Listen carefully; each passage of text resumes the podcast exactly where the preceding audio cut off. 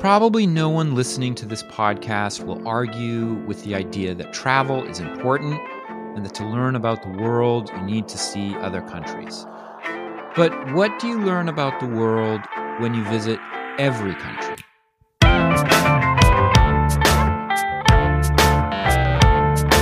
It's time to eat the dogs. I'm Michael Robinson. Today, Annette Joseph Gabriel speaks to Jessica Nabongo about her quest to be the first black woman to travel to all of the countries of the world. Joseph Gabriel is an assistant professor of French and Francophone studies at the University of Michigan, Ann Arbor. Nabongo is a writer, entrepreneur, and the founder of Jet Black, a boutique luxury travel company that promotes tourism to Africa, the Caribbean, and Central and South America. For the record, there's another black woman traveler, Woni Spotts, who's already claimed to have traveled to all of the countries of the world. And if you want to know more about these competing claims and the questions surrounding it, I've put a couple of links on the Time to Eat the Dogs website. Jessica, thank you so much for joining us today on Time to Eat the Dogs. I am so excited to have you be part of our conversation generally about travel on, on this podcast. You are a native of Detroit. Can you tell our listeners a little bit about yourself and how you came to be on this quest to be the first Black woman to travel to all the countries in the world? Well, thank you so much, first of all, for having me. So, yes, I'm from Detroit, Michigan. My parents are Ugandan immigrants. And from a young age, they took us around the world, you know, places like Canada, uh, Mexico, Jamaica, and then going home to Uganda um, a couple of times during my childhood. And so for me, my parents really instilled in me not only a love of travel, but a feeling of I can go anywhere that I want to go. And ultimately, I think between being raised in that way, um, living in Japan, teaching English, doing my master's degree in London and living in a number of different countries, I think that's really what led me to start this journey. Um, I've always been a geography nerd. And so I've always been quite curious about different cultures. And I've always had the strong desire to visit every country in the world. But in February 2017, after reading about Cassie De Pecol, the American woman who holds the Guinness record for visiting every country the fastest, um, after reading about her, I realized that titles around travel were a thing. And after doing loads of research um, and discovering that no Black woman had yet been documented to do it, I decided that I wanted to attempt the feat this is this is so fascinating to me travel titles. So you know visiting the most places or you know like you just said visiting places the fastest. Um the, the so the travelers whose stories that we feature on this podcast often travel for really different reasons you know historically and today. So some of them travel for exploration others travel for anthropological reasons you know so they want to like study different people and cultures Others travel for tourism and leisure. What is the purpose of travel for you as a traveler? For me, it's purely my curiosity and my strong desire to want to know how people live all over the world. That's really what drives me. So sometimes I may I may miss major historic places in exchange for spending time with a local person or a local family. So it's really just about doing deep cultural dives into the countries that I'm visiting. So these deep dives can be so rewarding, right? I think, you know, because you get to, like you're saying, you get to see how people live in ways that might be similar or that might be different from from what you know and from what you're used to. And I'm really interested in, you know, this is one of the pleasures of travel, right? Is the discovery and the curiosity. But there are also, um, you know, downsides, I think, to travel. So, for example, my last two guests on this show were Dr. Bianca Williams, who does research on Black women's tourism in Jamaica, and Dr. Tiffany Gill, who studies Black women leisure travelers in the 20th century. And both of them talk in different ways about the pleasures and perils of international travel for Black women. What have been the pleasures and perils of this experience for you so far? That's interesting. I mean, I can't the thing about being black is like it's inextricably linked to who you are. So, can I say that I had specific pleasures during my travel because I was black, I don't necessarily know. But you know, I most of my travel experiences are positive. Um, I feel like I'm often 99% of the time met with open arms when I travel to all of the countries that I visited. Yeah, that's what I'll say about that. I think, you know, I think in particular as black people coming from the US, there's this fear that we'll be treated as poorly abroad as we're treated in the US. And I absolutely do not think that is true. Now, on the flip side, of course, there's going to be certain instances where there are difficulties based on race that you can identify it's happening to you purely because of your race. Um, because I think there's perception and then there's actually what's going on, right? And I think we have to be very clear not to mix the two. So um, I say that to say, like, for example, in in many European countries, um, there are African women who work as prostitutes, and so I've definitely had experiences in Italy, in particular, where people have approached me as if I were a prostitute.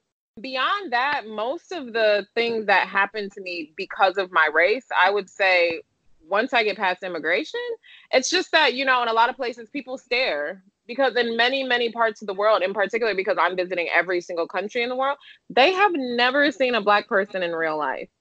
So Uzbekistan, Afghanistan, Bhutan, um, Pakistan, so many places in the world where yeah people are definitely staring at you endlessly because they've literally never seen someone that looks like you. And you know for me i also wear my hair very short. So that's another thing that blows people's mind. I remember i was in um sao tome and principe um off the west coast of africa and people were discussing whether or not i was a boy. And they were like when we were driving down the road they were screaming the man is wearing lipstick uh, and things like that so now there's a larger issue at play, and I think beyond simply being black, which I think refers to all of us at this end of the color spectrum, but specifically being a visibly African woman, I have had the challenges that I face with that definitely come when I'm trying to cross borders.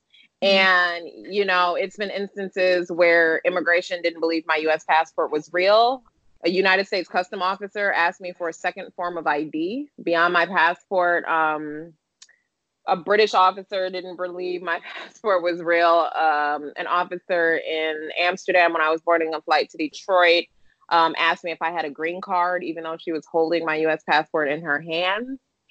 Um, I'm also a dual citizen, so I often travel with my Ugandan passport, and that is just a whole nother set of nonsense and again, I think beyond just my blackness, that speaks to more of the African side of it and what people think of Africans.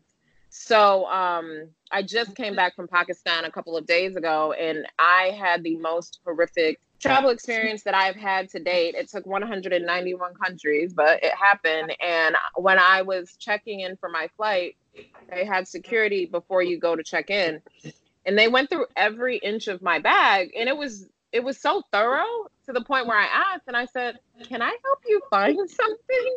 Because they, you know, I've never had anyone dig through my bag in that way. And they're like, "No, we're just looking," and I'm like, "Okay, this is weird." And then um, after that, they take me to be X-rayed and I'm like, what the hell is going on? This isn't a metal detector. It's not a body scanner. It was a, a proper x ray like you would do at the hospital. And so. I asked, I said, why are you doing this? And the man said to me, because people usually put the drugs in their stomach. I was like, oh, that's what we're doing. Okay. So, you know, that happened, whatever. We were finished. Obviously, they didn't find anything. And then when I had to go through like the actual security, because apparently that wasn't the only one, the woman groped my vagina. I'm used to being patted down and them touching my butt and blah, blah, blah. I've never in my life had someone grope my vagina. And then she asked me to spread my legs and continue doing it. And it was the most horrific, dehumanizing experience that I've ever had in travel. And that was definitely because I'm Black. Wow. First, I'm, I'm so intrigued by the way that they are across a, a, range, right? So you have things like documentation, but then you also have things like the way that you're perceived and how people encounter you. And I'm, I'm just really, really also interested in, in the way that, you know, this kind of transgression of your body, right? Was this sort of like very intimate kind of transgression in in in what I imagine is a public space right in the airport. And I'm wondering one of the spaces that a lot of uh, travelers have found to kind of you know think through and and process, but also preserve these kinds of experiences has been in documenting their travels somehow. Um, so I'm wondering how how do you document these and other experiences that you have as you travel? Um, for me, well, just the thing on the privacy. So, because Pakistan is a Muslim country, you'll find in all Muslim countries when they do security checks for women, they actually do it inside of a room. Mm-hmm. So mm. that's standard practice. So it was inside of a room, which does not make it any better. But I'm just like, you know, just setting the scene. Um, as far as how I document my travels, so I've been doing photography since 2005. So I do a lot of photography when I travel. I started a travel blog in 2008, and so I still do some blogging. And then for the most part, most of my documentation is definitely on Instagram. And so it's a variety of still images on my feed as well as videos on my stories are there um, are there any advantages that you find to this to this medium of documentation? Do people interact for example with your um, you know with your feed? And does that kind of impact how you how you're in turn sort of seeing these places you're visiting or, or processing your experiences? Yeah people definitely interact. Um, does it impact my experiences? I would say no. It doesn't because typically i'm posting after the fact Mm-hmm. Um, but I think what it does allow for is it allows for great conversation. So for and and also it's how I use social media. So for example, a couple of days ago, I did a post about Islamophobia, talking about Islam and Islamophobia, and also talking about my experiences as a woman traveling solo through Muslim majority countries.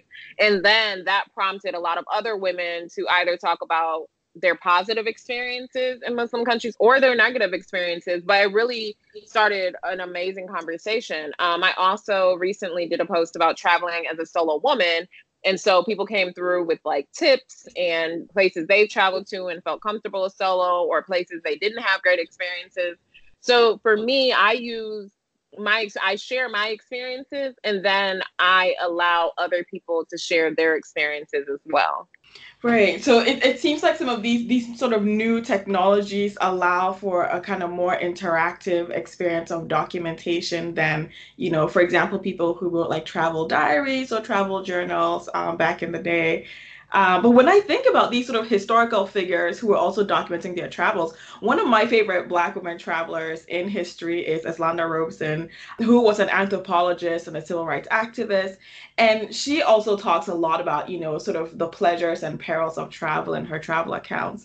And one of my favorite moments in her travel accounts, and I'm thinking about this particularly because we're talking about, you know, the use of technology, is when she compares her 1936 trip to Southern Africa with mm-hmm. her trip 10 years later to Central Africa. And so she notes, and I'm going to read this from her from her travel accounts, but she says, "My first trip to Africa was in 1936, and it took 21 days by ship. This trip to Africa from New York to Leopoldville, Belgian Congo took 34 flying hours." Right? That's that's her quote. And she was so impressed with the ease of travel. 34 flying hours to me sounds horrendously long. Like, coming from you know like 21 days by ship that actually sounds really quick. Um you know and she's so impressed because you know you ha- she has these new methods of transportation at her disposal. So i'm wondering you know given the number of places you've been what are some of the means of transport you have used so far? And how have these means of transport and the technologies of travel changed changed since you first began your journeys. Mm-hmm. Thank you. And thank you for sharing that. It's funny because I flew from um, Kinshasa. What did I do? I think I flew from New York to Kinshasa and or vice versa. And it's still, you know, it still is a good 22, 23 hour journey oh, even wow. today. I just I just did that in June. So um, well in Leopoldville of Belgian Congo is now Kinshasa of DRC. But um Yeah, for me, I mostly fly. I mean, I've definitely done a lot of road trips in many, many countries, which I love doing. Um, I've gone, yeah, so I've crossed many borders by land, but definitely flight has been my primary mode of transportation. And the thing about traveling to every single country in the world is that most people don't do it. So you have countries that are at least visited, like many of the South Pacific islands, such as Tuvalu, Kiribati, Nauru, where there aren't even flights every single day. And so getting to many of these places is incredibly expensive and it takes a lot of time. So, for example, just in July, I was traveling from Tuvalu to Micronesia. And what it required of me was flying from Tuvalu to Fiji. Mm-hmm. Then I had to overnight in Fiji. Then I flew to Sydney. I think I had to overnight in Sydney. Then I flew to Papua New Guinea. And then I had one stop, and then I landed um, in Micronesia on the capital island. So, you know, yeah, yes, it takes a lot. So, you know, even today, there's still, because some places are so far off the beaten path, it can still be pretty expensive to get to, but certainly not 21 days on a boat. right. right.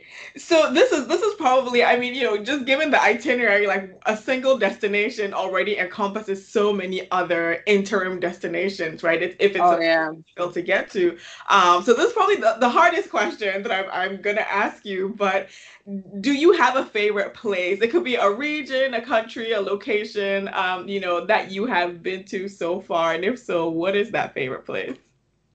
I don't have a favorite place. Um, I have had so many amazingly beautiful experiences all over the world. You know, my goal is to visit 195 countries. I'm sure over my lifetime, I'll visit probably close to 150 of them twice.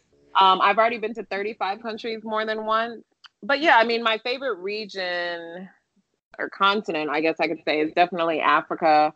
Um, I thoroughly enjoy visiting the Middle East there are parts of Asia that I love. It's really like for me, there's I have so much love for so many places, and yeah, it's hard.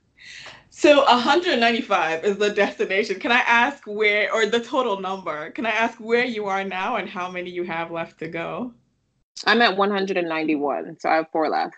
Oh my gosh, what are those for? Uh, Venezuela, Algeria, Syria, and the Seychelles. Okay. So one of the things that I found really interesting in looking at your um, your website is that in addition to being a traveler yourself, um, you also facilitate travel for others in multiple different ways. Um, so, for example, you're the founder and CEO of Jet Black. Can you tell us a little bit about Jet Black? Yeah, absolutely. So Jet Black is um it's a boutique travel agency that I founded back in 2015 while I was working on a honeymoon for a friend of mine. Um and the way that came about is um I knew him and his fiance and I said, you know, he you're a very popular public figure. You should definitely, you know, do your honeymoon somewhere in Africa so that you can help to shift the narrative and he was like, okay, plan it. And I did, and it was incredible. And he said it was one of the best trips that he had ever been on. Um, and from there, like during the process, that's when I had the idea. And the mission of Jet Black, when I launched it, was to focus on tourism in Africa, Central and South America, and the Caribbean. Because I feel like many countries in those regions are often left out. You know, people are often heading to like Paris and Bangkok and you know, those are places that are super overcrowded with tourists uh, where I think like Nairobi is a really cool city, or like Dakar, or Cartagena, or Medellin. Um, there's just so many other amazing places in the world that should be put in the spotlight and have increased tourism. And that's what I was doing through Jet Black. Now, being that I've been on this journey full time for like the last two years, more or less. I've scaled back, but I'll be relaunching once I finish. And I'm definitely going to still focus on places that are sort of least visited. Um, but I'm definitely going to expand to include the rest of the world. Okay, so expanding Jet Black once your travels are done, you're down to four countries left to go. Once you've hit that number, once you've hit that goal, what what comes next for you? Sleep. I, I have not traveled to 195 countries and I can relate to that. So yeah, yeah, that's my my primary focus is definitely to rest. Um, I've been on the go and it's really hard on my body and it's hard mentally. And so I really just want to take some time to rest. So can I, I want to ask you one last question, just kind of as we wrap up our conversation, you know, particularly in terms of thinking about all of the wonderful things that you have, the enriching experiences that you have gained and acquired throughout this process, um, but you know also the toll that you know you just mentioned that it can take. Has this experience in any way shifted or impacted the way you define home? Um, I wouldn't say it's this journey in particular, but I would definitely say travel. So I've been, I mean, a lot of people focus on this specific thing that I'm doing currently, but I've been traveling pretty extensively for the last decade. And based on like the people I've met and the the immediate connections that I've had, for me, my idea of home has definitely shifted. I mean, I have a place in Detroit which I love, and it is definitely home because it's my bed, and you know I'm here alone, and I really enjoy that. But beyond that, for me, I find home in people. So there's so many people that I have amazingly close relationships with that are scattered around the globe. So even if I can't physically be in my own house, if I can be in a place like you know London or Bangkok or Amman or um, or Muscat or you know anywhere where I have a close friend, then I can feel like I have a piece of home with me. Well, I'm I'm so glad that we that we got to to catch you briefly for for this conversation today. Thank you so much for joining us and I I wish you all the best with the next stage for the next four countries and everything else beyond. Thank you so much, Jessica. Thank you so much. I really enjoyed this. That's it for today. The music was composed by Zabrat. Make sure you check out the Time to Eat the Dogs website podcast links and other exploration related stuff. And if you get the chance, please take a minute to rate and review the show wherever you get your podcasts. It really helps make the show visible to new listeners. And if you want to recommend a guest or make a comment, feel free to contact me at time to eat the dogs, that's one word, lowercase, at gmail.com. See you next week.